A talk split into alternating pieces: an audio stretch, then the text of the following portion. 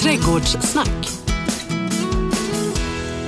Ja, då är vi tillbaka ute i trädgårdslandet och eh, herregud alltså löven har fällt och eh, bytt färg och alltihopa och idag har du kompis med dig Annika. Ja, Emma Berg. Ja, titta där är Emma Berg. Hej allihopa! Pyssel-Emma från förra året. Herregud alltså. alltså fick prestationsångest alltså förra julen när du drog tag, Emma. Är det så? Ja, det är ett helt år sedan jag var här. Ja, herregud alltså. Tiden bara svischar förbi. Och så kom det en pandemi emellan. Ja, men alltså, den bryr vi oss inte så mycket om tycker jag. Den släpper vi. För det, våra, våra, de som kommer till oss de tycks släppa det. De går in för något helt annat. Alltså vi tänker inte på det. Nej. Mer än att vi har väldigt mycket mer kunder. Och det är ju lätt att sprida sig eh, på, i vår butik eftersom den är stor till ytan. Det som är positivt tänker jag, liksom, med den här skitpandemin eh, som jag kallar den, att, att, att vi kommer faktiskt ut och gör saker som vi inte gör annars. Vi pysslar i trädgården, vi är ute och promenerar. Vi gör, så, har inte ni märkt det också? Nyttigheter, sånt som vi alltid gör.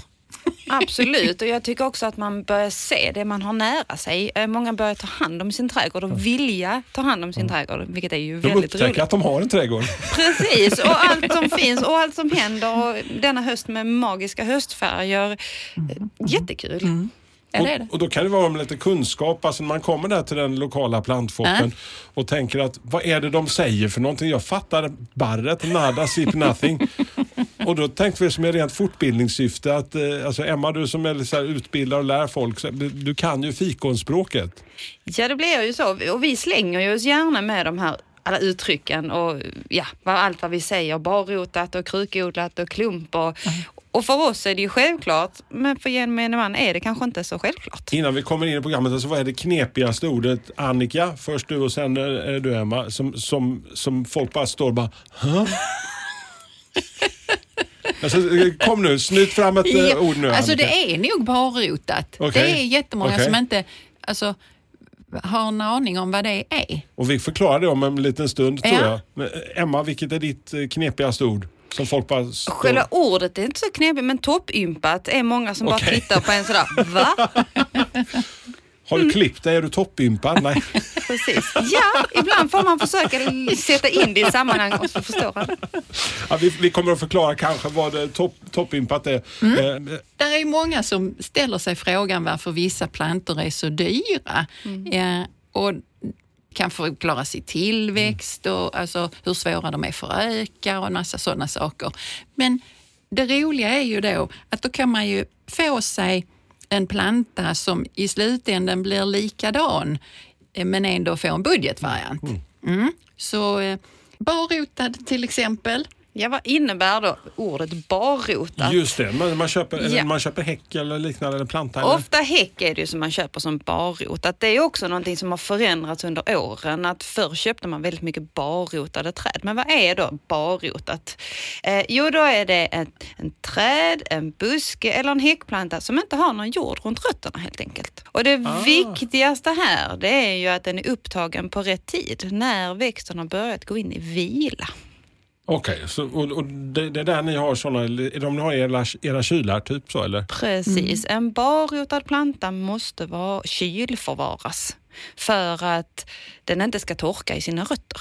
Alltså vad pratar vi kyla? Vad är det för temperatur i era eh, kyllager där ni har era... Nollan. Nollan? nollan. Där ligger det. Och sen så vattnar vi ju, alltså plantorna ligger ju många, många, många i lager och så. Men vi går ju in där och vattnar företrädesvis på golvet. Är, är, är, det, är det någon som liksom har det som stående på sitt schema som alltid åker på att ah, men du får vattna de barrotade då? Nej. Nej, vi, vi hjälps åt. Ja, Ja. okej. Ja. Så ni har båda vattnat barrotade genom åren? Jajamän. Ja. Säg vad vi inte har gjort. Men då alltså den här stora klumpen då, alltså, vad heter det då? Alltså, när, är det, vad Ja. heter? Klump, Det är en klumpro, klump. klumprotad? Klumprota. Nej, det är en klump. Ja, det är ju en klump och det är ju också eh, precis som ordet eh, säger. Det är en klump och då sitter det alltså jord runt rötterna men du har ingen plastkruka runt omkring. Ah. Du har alltså tagit upp som en jättestor eh, medicinboll kan vi väl säga. Ja, beroende på storlek naturligtvis, beroende på vad det är för någonting. Eh, och sen lägger man en duk runt om detta för att skydda eh, och hålla ihop. Eh, Och det säljer ni också sådana i stora klumpar eller? Oh ja. Nu har det börjat bli lite större plantor vanligtvis. För de här minsta barrotade häckplantorna då, till exempel, vi pratar om, säger vi liguster och bok. Ja, då är de ju unga och, och ganska små. När man gräver upp någonting med klump, då gräver man ju liksom inte upp en klump på en ung planta, för den kan man ju sälja på annat vis och det blir ändå bra. Så att det här är ju, mm, nu är det en annan kvalitet. Alltså inte bra och dålig kvalitet, utan vi kallar ju allt det här för olika kvaliteter. Och precis som du säger Annika, lite större, det är ju också någonting som man har börjat inse att man kan köpa stora träd. Och de säljs ju oftast, eller stort sett alltid, på klump. Kan man få dem levererade? För jag tänker alltså att det är svårt. Alltså, tänker jag som om jag skulle kunna med ett drag och så. Eller? Ja, alltså vi levererar ju eh, till privatkunder. Då. Vi levererar över hela Sverige, men det är ju till anläggare och så. Men, Okej. men till privatkunder eh, levererar vi ju inom Skåne. Så att vill man inte bära plantan själv, vilket kan vara svårt om man köper en lite större klump. Vad rekommenderar damerna? Barrotat eller klump? Alltså om man ska sätta en liten häckplanta till exempel. Men där, nu, nu missar han ju poängen. Ja, precis. Om du ska sätta en liten Ja. häckplanta i din, Ja. din lilla trädgård, säger Jag vi. tänker mest lättskötta perspektivet. Ja, men då är det ju så att då kommer du billigast undan och du får verkligen en, en mindre planta vanligtvis om du köper en som är barrotad. Om du köper en som är på klump, då, är, då, då bör man ju vara ute efter någonting som är äldre och större för då gräver man upp hela klumpen med, med många rötter där i. Det behöver man ju inte göra med den lilla häckplantan. Så egentligen det man kan säga det är ju att om du köper på klump så är det en större och äldre vara. Ja. Köper du något barrotat så är det en liten mindre planta. Om man nu vill göra en egen klump där hemma, man säger man ska flytta den där stora busken eller trädet. Liksom. Alltså, hur, hur, hur, för det första, hur, hur långt ner måste man ta rubbet av rötter eller kan man kutta av de yttersta? Liksom? Alltså, jag, menar, jag vet ibland när man har hackat upp något, någonting som man är trött på eller någonting som är, så jag menar, rö- rötterna på en gammal planta eller träd kan ju sträcka sig ganska långt. Men det är ju en väldigt intressant fråga, precis som du ställer här nu. Och den frågan får vi ganska ofta. Eh, det här med att eh, vi kan sälja väldigt stora, stora träd med klump. Men vi måste särskilja det som har stått på en plats väldigt länge hemma i en privatträdgård kontra den som har stått i en plantskola. Okej. För att den som har stått i en plantskola har blivit omplanterad, alltså du har bytt odlingssubstrat, du har fått nya eh, adventivrötter, alltså finrötter. Och det har du inte på en växt som har stått ute på samma vis, på samma plats. För den har chans att skicka ut sina grova, stora rötter som förankrar trädet. Ett träd som har stått i plantskolan har inte de här grova, stora rötterna för den har finrötterna. Och det är därför vi måste sätta stolpar. För att vi hjälper trädet i början när den ska skicka ut sina grova, stora rötter. Så, så att det är lite knepigt eh, alltså, man ska göra den här förflyttningen hemma då. Men om man nu skulle vilja göra en förflyttning så kan det ju vara synnerligen lämpligt för vissa växter. Så faktiskt, nu i helgen när jag var ledig så flyttade jag en hel hög med idegran, hybrididegran, som har stått på ett ställe och växt till och nu så har jag då flyttat in dem där de slutligen ska vara.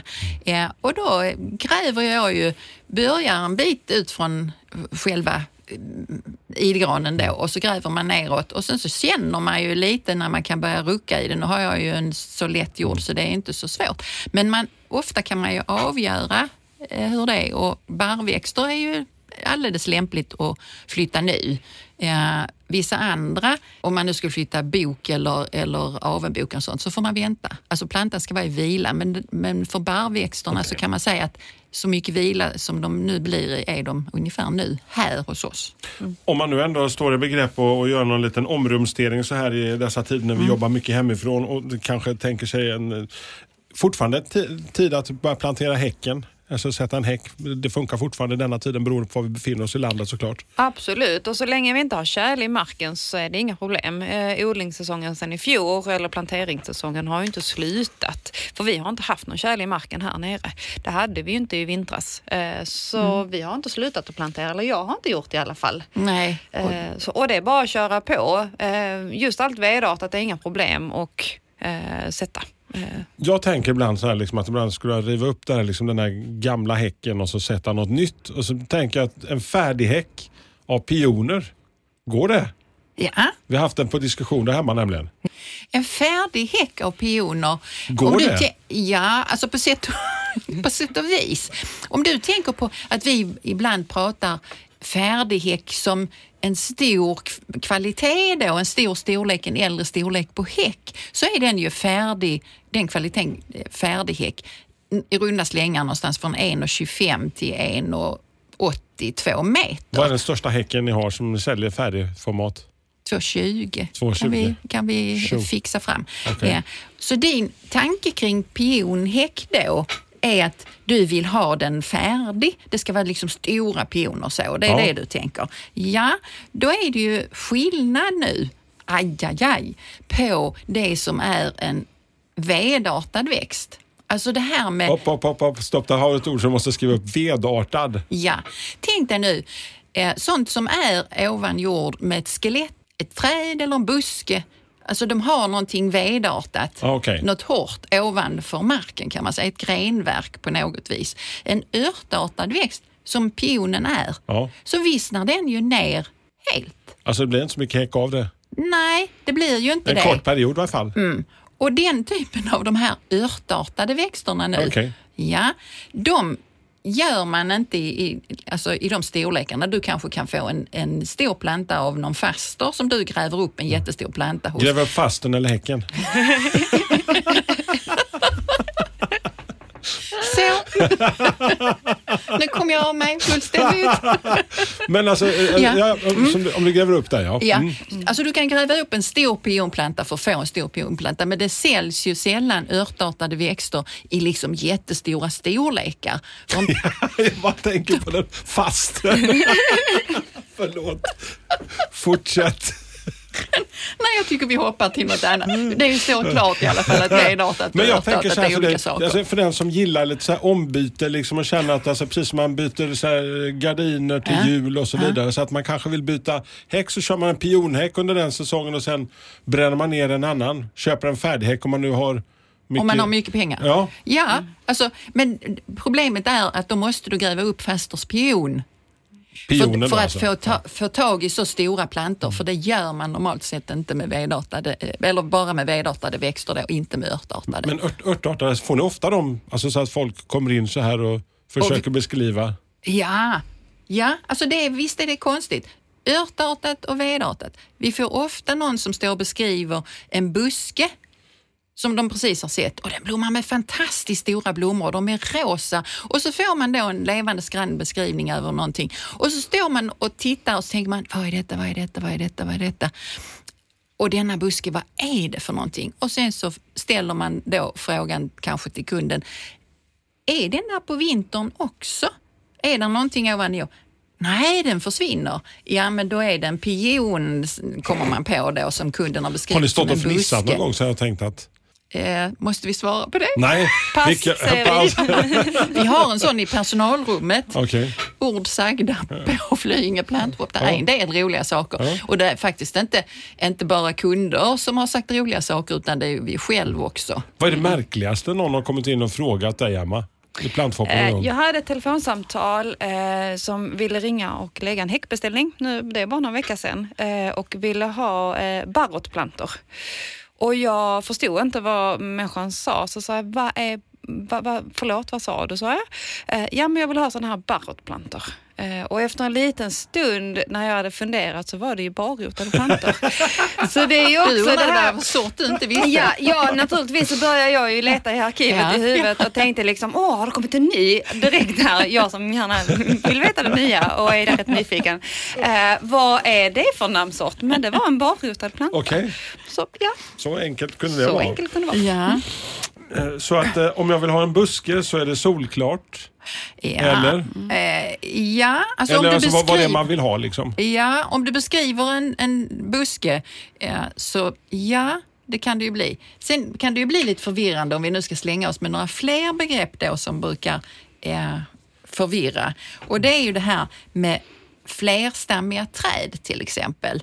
Då kan ju du stå där i plantshoppen och peka på någonting och så säger du den busken vill jag ha. Men i vår värld Och så är det app, app, app, app. Det är ett ja, träd. så är det ett träd. Det spelar ju ingen roll när man står där och pekar på någonting, men när man ska beställa eller ha någonting så är det ju bra att veta vad det är man ska beställa.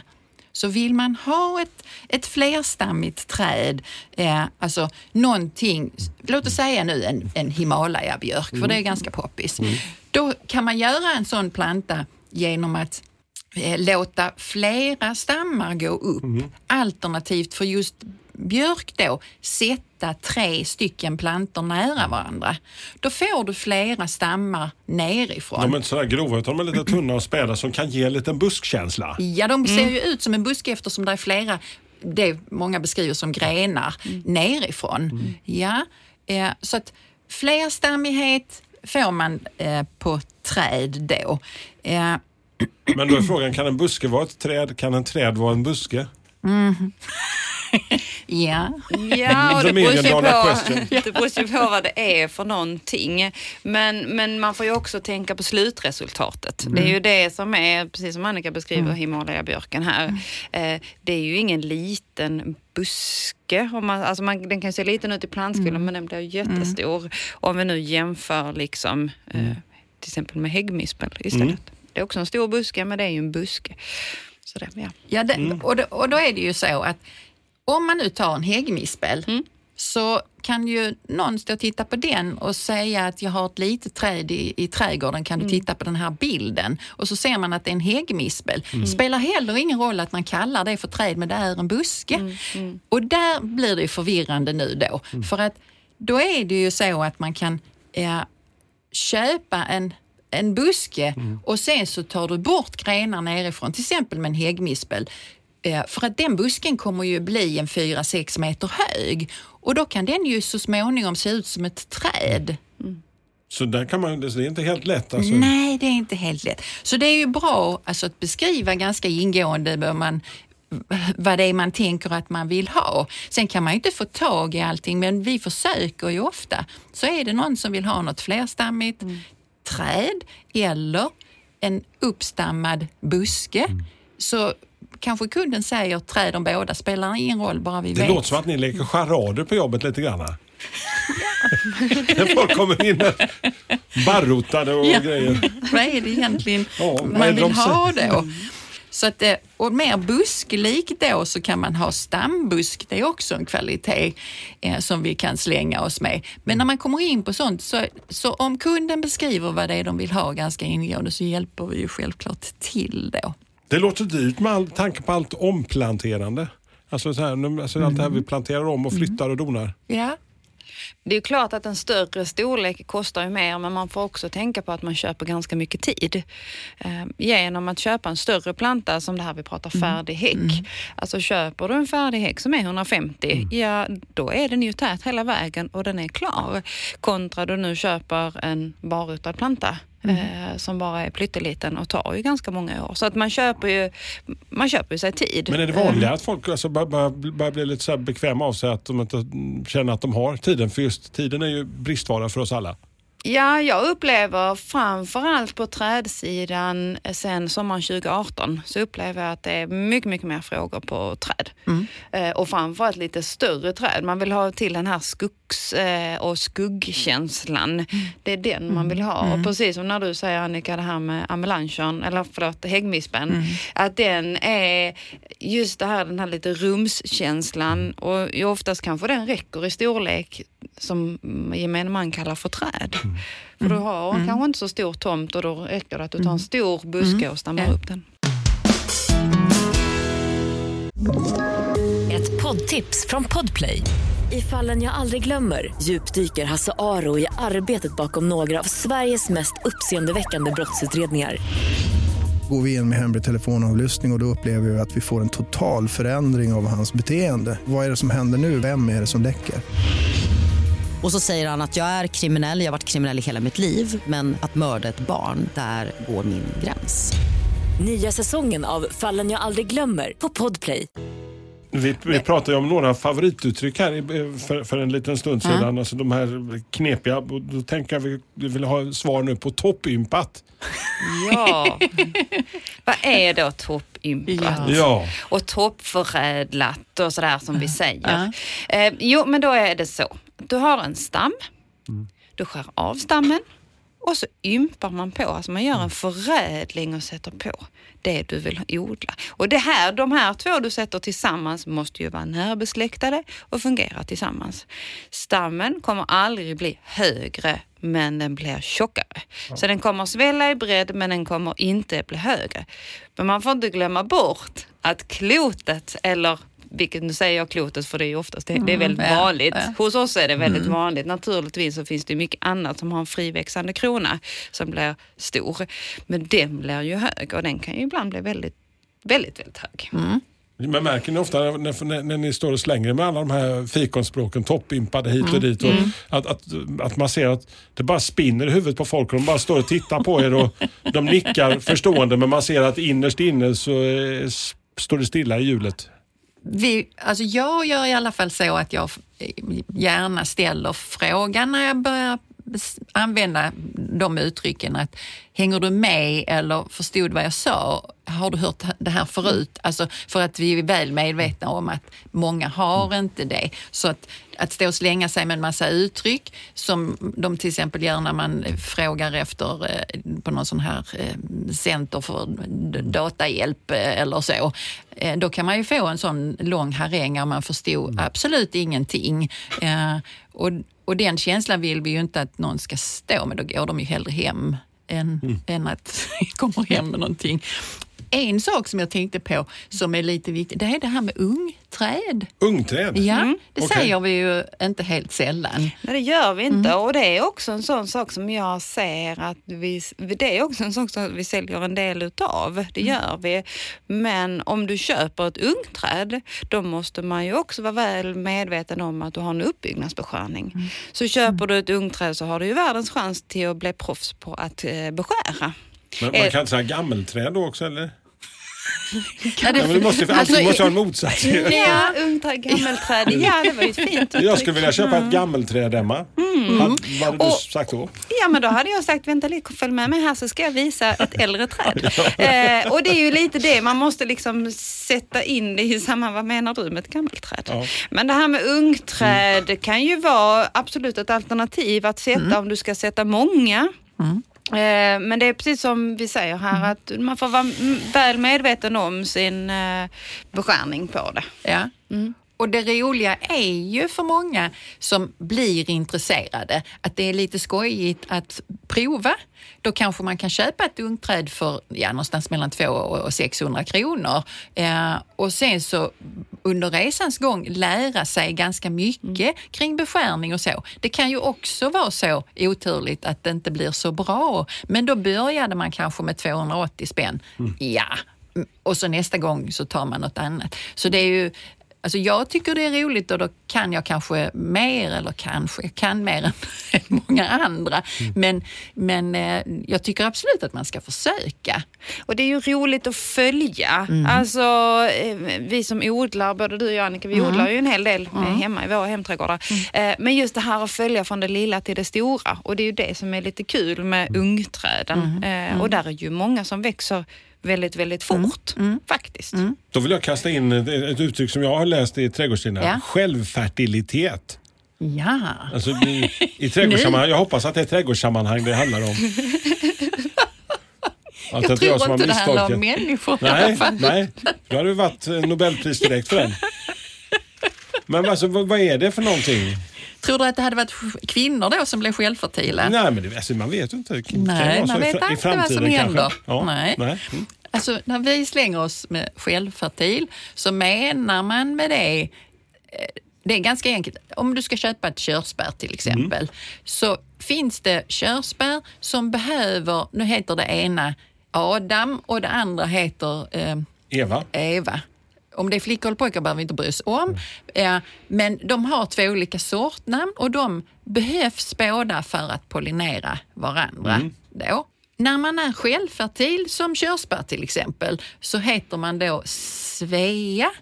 Och Svea behöver ingen partner. Nej. Det är det som är självfattigt. Den Ah. pollinerar sig själv. Ja, ja, ja. Så det är Okej. väldigt praktiskt om man har en mindre trädgård att tänka på det här med självfertiliteten när det gäller träd. För har man inte så mycket plats så eh, är det ju smart att sätta bara en. kan man ju ha både körsbär och plommon. Äpplen och päron finns inte självfertila. Okej. Där har man ju löst det då genom att ympa in på en stam. Alltså då, det Emma var inne på, att man tar en stam och så sätter man dit olika sorters päron och så pollinerar de varandra. Då behöver man bara också Om man, ett. om man nu inte vill ha självfertila buskar, om man har en lite större eh, anläggning som Ja. man ska plantera. Vad har du emot självfertilitet? Var det bara för att jag sa att det var kvinnor som skulle Nej, absolut inte. Det var ingen sånt genuspryl. Utan, Det var inte nej. Jag tänkte mer alltså, om man nu har den där stora jätteträdgården och kanske inte behöver bry sig så mycket. Nej, då, då stoppar man ju in, som Annika sa, här, äppleträd till exempel. Eh, och då har man ju två äppleträd som pollinerar varandra. Och då finns det så här fina pollineringstabeller som man kan gå in och läsa i vem som Aroma blir pollinerad av och vem Ingrid Marie blir pollinerad av och så vidare. Så det är viktigt liksom att Det är man en hel vetenskap. det är det och den här pollineringstabellen är det inte så många som kanske som kan helt utan till men den Nej, finns eh, uppsatt på vår plantskola eh, och eh, så man kan gå in och läsa och får man inte ihop det så finns vi till hjälp, absolut, Mm. och kan visa. Och det är ju samma om vi tittar på, nu pratar vi ju fruktträden men det Mm. finns ju många andra också. Vi har våra blåbär till exempel, de amerikanska blåbären som är väldigt, väldigt populära just nu. Mm. Där har vi ju sorten reka till exempel som sägs vara självfertil. Men så att få reka en kompis eh, så är det ju så att du får betydligt mycket mer bär. Så det är ju att rekommendera. Eh, har man möjlighet att ha två så skulle jag ju ändå Mm, satsa på det. rekommendera Ja, det. ja. Men har man den lilla trädgården och vill ha ett körsbär som Mm. du nu säger. Det krävs ju två för att det ska kunna gå ibland. Ja. Jag var bara tvungen, förlåt. Göteborgaren i mig. Förlåt. Ja, vi ska, vi ska försöka. Vi pratar om blåbärstry istället du och jag. vi pratar blåbärstry, du och jag. Nej. Och då är det så att blåbärstry är också en sån som... eh, Blåbärstry är också en sån som vill ha kompisar och det får man också kom, tänka på. Det, det har ju blivit en väldigt populär buske eh, och det är ju för att det är ätbart. Eh, man får inte glömma bort att, eller det är, rättare sagt så här ska vi tänka kanske att blåbärstry är inte ett blåbär. Eh, det kan vara ett gott bär men det smakar inte ren blåbär. jag vill om bara du, liksom... om, om du ska ha, tar du två av samma sort av, av blåbärstryet eller tar du två helt olika sorter och, och matchar dem mot varandra då? Det är två olika Enligt sorter. Pollineringstabellen. Ja, det är två olika sorter som du använder. Eh, om man tänker blommor och bin, alltså växtsex ger bebisar men de sterila, hur gör de och varför? Jaha. Eh, alltså om man nu är steril eh, så Ja, kan men det ju måste man vara... kunna vara i växtvärlden. Ja, absolut. Ja. Alltså, vi kan ju konstla till det så att det blir eh, sterila blommor. Alltså återigen ett körsbär. Eh, eh, fågelbär är det kanske många som känner till, alltså vilda körsbär och, och så kan man hitta lite överallt. Och sen så finns det då ett fylldblommigt fågelbär. Då är det sterilt. Då har man konstrat till det, eller vad man ska säga, så att den kan inte föröka sig på normalt sätt. Det kan ju vara en fördel ibland. Låt oss säga nu att vi har det här trädet stående och man vill absolut inte att det ska bildas några bär som faller ner eller att det blir bebisar då runt omkring. Ja, men då är det ett, ett bra val. Sen kan det vara ett bra val ur många andra perspektiv också. Men hur rent praktiskt gör man alltså för att... eh, Alltså, Vegetativ förökning kan man okej. säga. Alltså att det är liksom en du har en planta och så Ja. delar du den på något sätt, alltså med sticklingar eller mm, på andra sätt också. Så att då blir det ju som en klon, att alla är ju Identiska. genetiskt lika. Eh, Men det går, det går att göra med ganska mycket och det kan man ju göra även i eh, vilket kanske inte är så förvånande, i laboratorium och så. Så det finns sätt för att föröka sådana som nu är sterila. Många sommarblommor till exempel är ju det. De har flashiga blommor, de har granna färger och så, men de är ju inte mycket till för eh, pollinatörerna. De är helt ointresserade av dem Eh, för då, då, där finns liksom ingenting att hämta i dem. De är bara granna. Får jag bara gå tillbaka till trädet där tänkte jag som du sa det här med, med bären och det är en sak som vi kan tänka på på våra trädäck, eh, ut, alltså uteplattor med stensättningar och så. Mm. Man kanske har lagt in ett, eh, ett lärkträdäck eller eh, en granitstens uteplats eller sådär. Och då kanske, det är också en sån sak som man får tänka på vad man sätter till för träd ju. Mm. Och då kan det ju vara bra till exempel att sätta sånt som inte skitar ner om man nu är lite rädd om grejerna. Zonhärdighet är ett, ett, ord som vi ofta brukar kasta mm. upp oss mm. i det här programmet så jag tänkte bara mm. en gång för mm. alla förklara. Eh, det är ju så att vi har ett eh, långt avlångt land eh, och är då eh, uppdelat i zoner 1 till 8 detta. Eh, jag brukar säga så här för att förklara det lätt så tänker Sverige och så en glad gubbe. Alltså det går liksom som en, en mungipa, en glad mm. gubbe uppåt kan man säga som en våg runt om. För det är varmare vid kusterna än inne i landet. Eh, och det skiljer sig väldigt mycket eh, i vårt land. Naturligtvis så har vi ju zon 8 längst upp. Mm. Så är det och vi har ju zon ett, kanske mm. noll. Mm. Nu är ju den här zonkartan väldigt, väldigt gammal. Det känns ju som att alltså, det borde flytta sig ah, lite grann. Precis, och det, man märker skillnad. Eh, säger det, vi som har varit med i branschen ett ganska många år ser ju skillnad. Eh, och jag träffade någon förra veckan som bor uppe i zon 4-5 mm. och de märker också stor skillnad. Mm. mm. Sen finns det ju massa knep man kan ta till. Mm. När, naturligtvis med häckar och mm. murar och sådär och göra mikroklimat. Mm. Men, eh, men det, visst, har vi fått, visst har vi en klimatförändring, det gör vi och det märker vi i zonkartan. Men det är ändå någonting så att vi har mm. rätta oss efter på ett ungefär eh, så vi kan ha hänsyn till. Det är bra att hålla, hålla rätt ja. på den ja. eh, när man nu köper vedartade växter. Ja. Just det, nu har du fullständigt klart för dig vad det Just är. Det. Men däremot så för perenner, mm. örtartade mm. växter, då har vi ingen alltså en deklaration utav zonhärdighet för det är inte relevant för de örtartade växterna kan man säga. Eh, utan där går man ju, där är det ju lite olika. Där kan det vara besvärande för plantorna att överleva i mitten av Sverige. Mm. För att där är det så mycket barfrost och tjäle utan snö och så. Medans hos oss där vi inte får någon tjäle i jorden och uppe i övre Norrland så kan ju samma perenn övervintra men inte mitt i Sverige. Mm. Ja.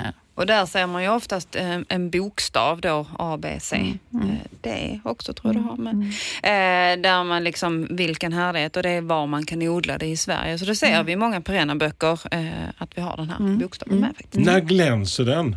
Det är frågan som jättemånga ställer sig och har hört av sig under resans gång. Ja, den punkten är ju en stående punkt. Så att den bestämmer ju jag lite över. Men du vet ju också vad jag tänker prata om Emma, för det har jag berättat mm. redan. Vinterkörsbär. Mm. Alltså förutom då att vi hade med oss de här vackra bladen vi ja. nu strödde ut över dig när vi kom för att du skulle få lite trädgårdskänsla här i studion så, så är det ju så. Jag älskar ju alla färger på blad nu som skiftar om. Men vad jag längtar till våren. Och plötsligt, jag då av alla människor, börjar längta efter blommor som du brukar anklaga mig för att inte... Mm. Ja, som du säger att inte jag bryr mig om, men det gör jag visst. Mm. Och den är ju så söt, ja. verkligen. Ja. Alltså, och det är inte helt ovanligt man ser den inne i städerna heller. Som ett litet gatuträd mm. eh, börjar man se. Eh, De är inte så jätte, jättestora? Nej. Eller? Nej, det är inte ett träd som blir jättestort. Fyra, fem, ja. sex meter, så någonting. Mm. Mm. Ja, så det får ju plats eh, i, de flesta i, trädgårdar. I de flesta mm. trädgårdar då. Mm. Ja, och om man nu skulle ge sig på det här med ungträd, om man nu får tag i ett sånt, så skulle man kunna göra det här till något som faktiskt lite självmant växer flerstammigt och så. Så där finns ju många varianter på det. Om vi har lite körsbärsblommor till våren så är det ja. hög tid nu att och då är det så att jag behöver inte ens vänta till våren för detta vinterkörsbär kan ju blomma nu i november, december. Alltså vid varma perioder så plötsligt så börjar det slå ut blommor och så kan det göra så. Och det, Blommar alltså, flera gånger också eller? Ja. En, alltså det är ju inte kaskader nej, nej, så, men... men bara det att gå igenom sin trädgård i november, december och så är det blommor på ett träd. Alltså, mm.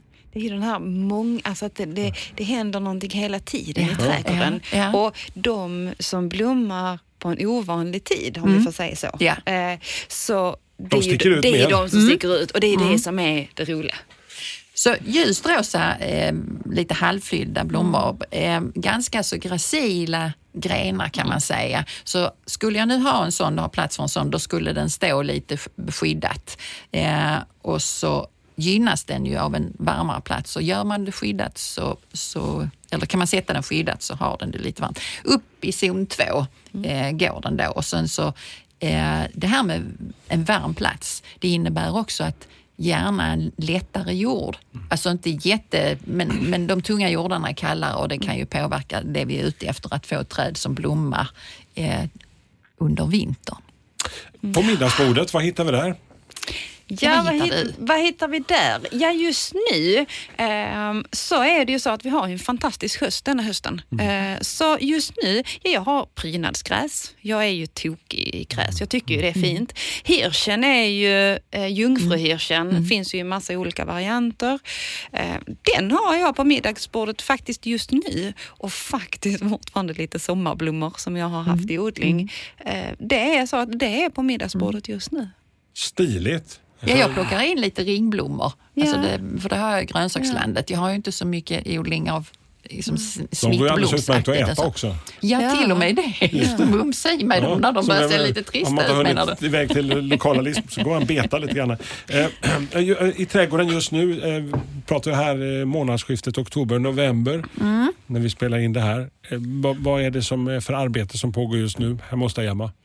Eh, hemma just nu, vi flyttar och planterar häckar. Eh, jag bor ju mitt ute på åkern på en gård så att vi eh, fixar med häckar just nu. Eh, och gräver upp de sista grönsakerna i trädgårdslandet. Ja, det sätter lite lök fortfarande och sådär. Vitlök. Annika, vad gör Vitlök. du? Vitlöken börjar ju närma sig när jag ska sätta ner den. Så jag har också röjt och flyttat växter som jag tycker är vettigare på ett annat ställe. Eh, och sen så eh, kan jag ju, om det blir fina dagar, då gör jag ju en del förarbete. Så där jag vet att jag ska sätta växter nästa år kan jag ju liksom röja och rensa ordentligt med ogräs och göra mm, alltså, mm, jordförbättring och sånt. Så är det klart. Kan man bara Lång, smal, kort eller tjock. Alla har sin charm och Magnus Karlström tänker Ja. man ju på då. Han dyker upp här nästa gång i detta lilla avsnitt. Trädgårdssnack. Ja, det gör han. Ja. Eh, vad en kärbeskrivning. Eh, han, Ja, jag han, tänkte mer på trädgården men Jaha. så, du, du tänkte på Magnus men det får stå för dig. Det var det jag trodde du sa. Ja, ja. Ja, eh, han har lovat att följa med. Så ska vi prata eh, någonting som jag tycker behövs mer av i trädgården. Och det är ju barrväxter, självklart. Ja, men fasen, alltså, men för vi skulle- sjutton. Du trodde du skulle slippa år? Ja. Nej, nej, nej, nej. Alltså det finns så mycket kul man kan ha med barrväxter. Eh, så att Magnus han hjälper till, han är jätteduktig på det också. Eh, mm. Ja men toppen. Så vi ses. Och, och känner ni att ni har några sådana här knepiga ord som inte vi har förklarat eller det var otydligt. gå gärna in på våran eh, Facebook eller Instagram och eh, ställ eh, frågor för guds skull. Och eh, lyssna vidare på Trädgårdssnack via Podplay eller där du brukar ladda hem poddar så hörs vi i ett litet trädgårdstäppa snart igen. Trädgårdssnack.